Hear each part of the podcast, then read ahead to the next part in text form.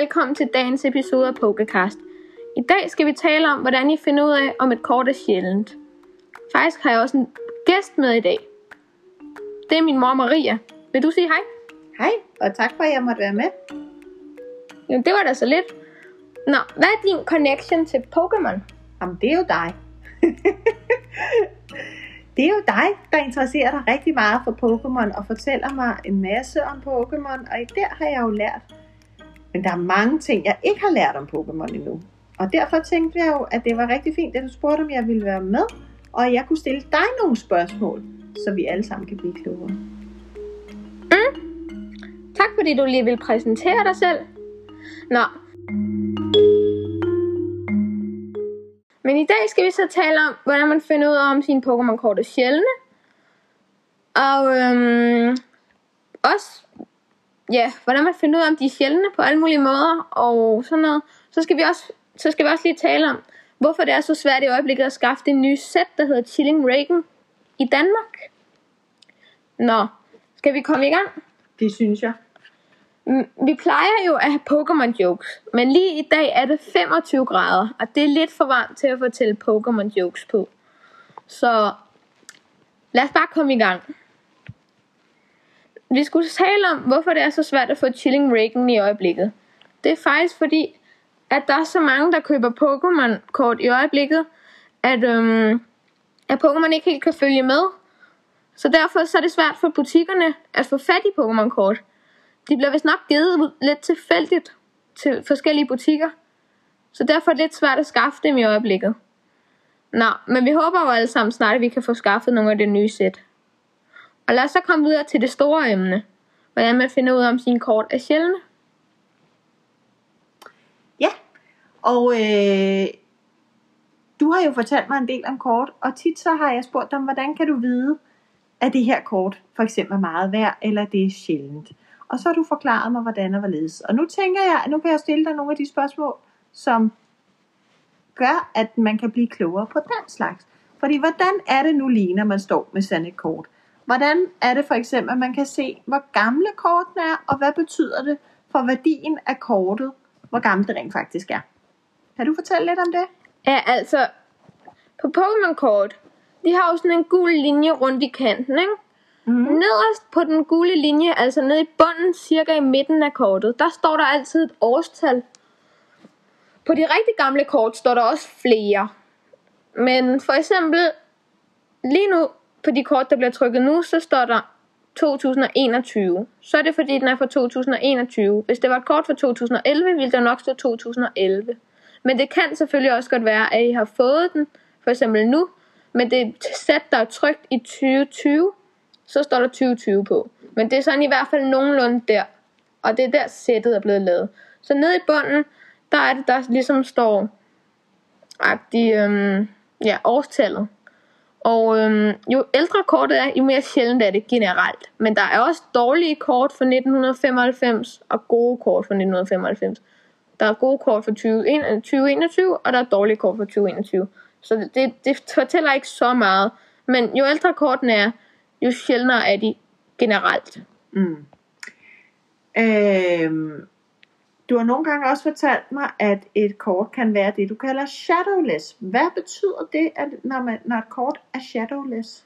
Det er de allerførste kort, altså dem fra 1995 til år 2000 cirka.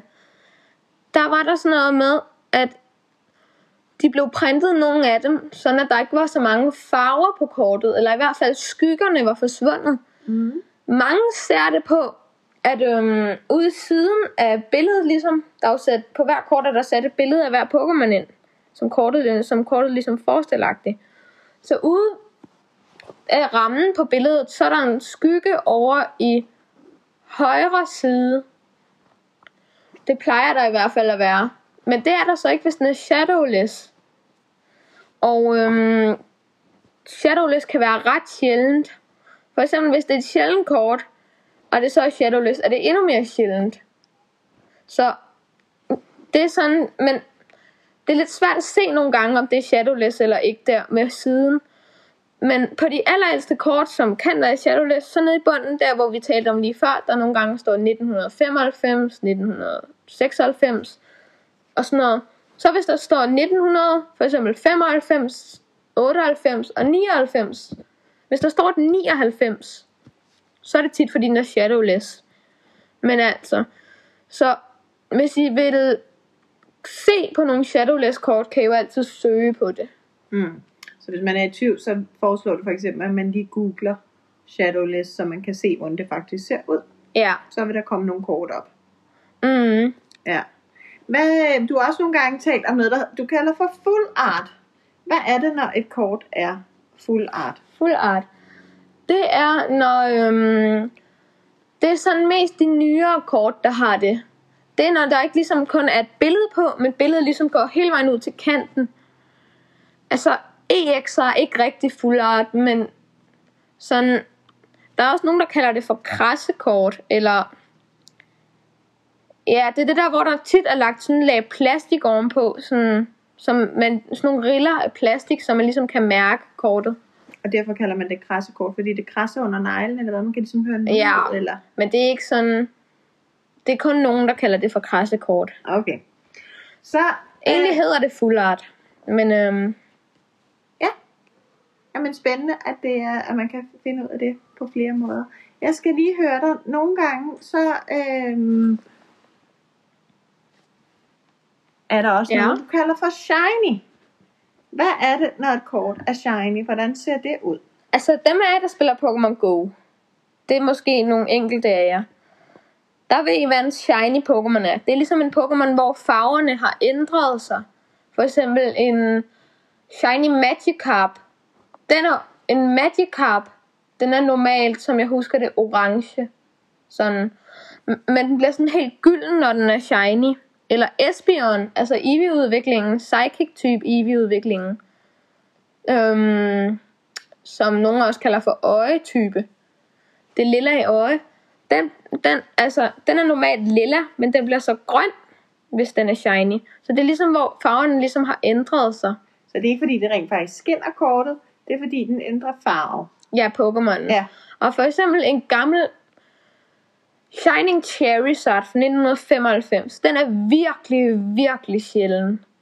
Altså, der står i navnet Shining Charizard, og så er det sådan en sort Charizard.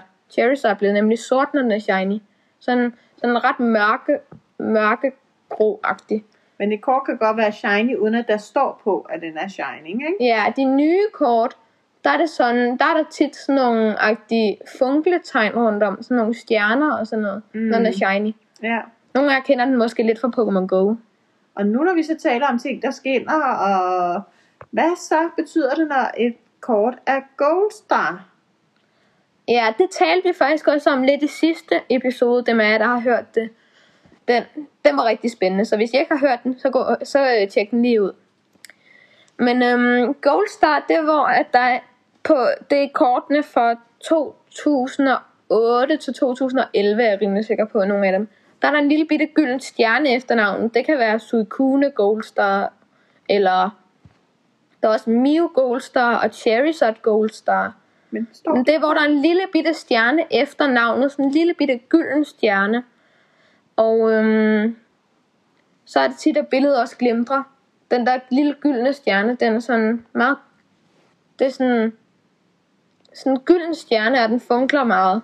Hmm. Så hvis man kan se det, så er det rigtig sjældent kort. Alle Gold Star kort er bare rigtig sjældne. Der er ikke nogen Okay. Gold Star kort, som ikke er sjældne. Nej, så så er man heldig, hvis man har sådan et. Ja, jeg har faktisk selv et. Det er jeg ret stolt af. Ja, Det kan også være nogle af jer, der er, en af jer andre, der har det. Nå, Ja. Øh, så er der også noget, nogle gange har hørt dig sige, at øh, det her kort, det er first edition. Kan du fortælle mig lidt om, hvad betyder det, at et kort er first edition, og hvor på kortet kan man se det? Det er sådan, under billedet i venstre side, der er der tit sådan en lille cirkel, hvor der står 1 i, og så nedenunder står der edition, altså E, D, E, I, T, I, O, N. Ja. Og øhm, det, be, det betyder, at det er det første bølge af kort, der er blevet trykket.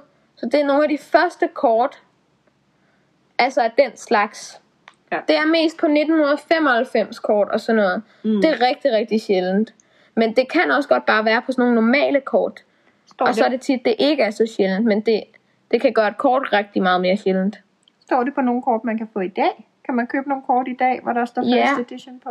Ikke engelske kort, som man kan købe i Danmark, men japanske kort, dem kan man købe. Er first edition. Ja, der, Okay. er det, der, der kan der stå sådan, der er det sådan en, øhm, der er det sådan en agtig lille firkant, hvor der står edition, eller sådan to streger, hvor så imellem står der edition og et ovenover. Mm. Nede i hjørnet, og det er meget småt, så der skal man kigge godt efter på japanske kort.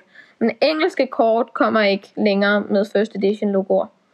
Så Super spændende, at der er så mange ting, hvor man kan se om kort er spændende. Det synes jeg, jeg har lært rigtig meget af. Nu har jeg hørt dig tale om det før mange gange, men det er rigtig spændende at, at høre, hvordan det er, man kan se på sine kort på mange forskellige, lære mange forskellige ting om det. Det har været spændende. mm, Mm. Så det tror jeg var alt, vi havde sådan for i dag nogenlunde.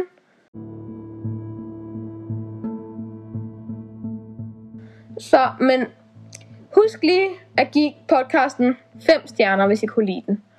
Og så ses vi i næste episode, hvor at dem af jer, der har prøvet at spille Pokémon, altså kortspillet, øhm, det der, hvor det er sådan, hvor man har en aktiv Pokémon og en bench og sådan noget, hvordan man bygger sit egen dæk til det. Så det bliver rigtig spændende. Og så kommer vi også til at tale om lidt andre ting, gætter jeg på. Så vi ses i næste episode, som vil være om cirka et måneds tid. Tak for, at jeg måtte være med. Det er så lidt. Det var hyggeligt og spændende. Nå, jeg håber, I kunne lide den.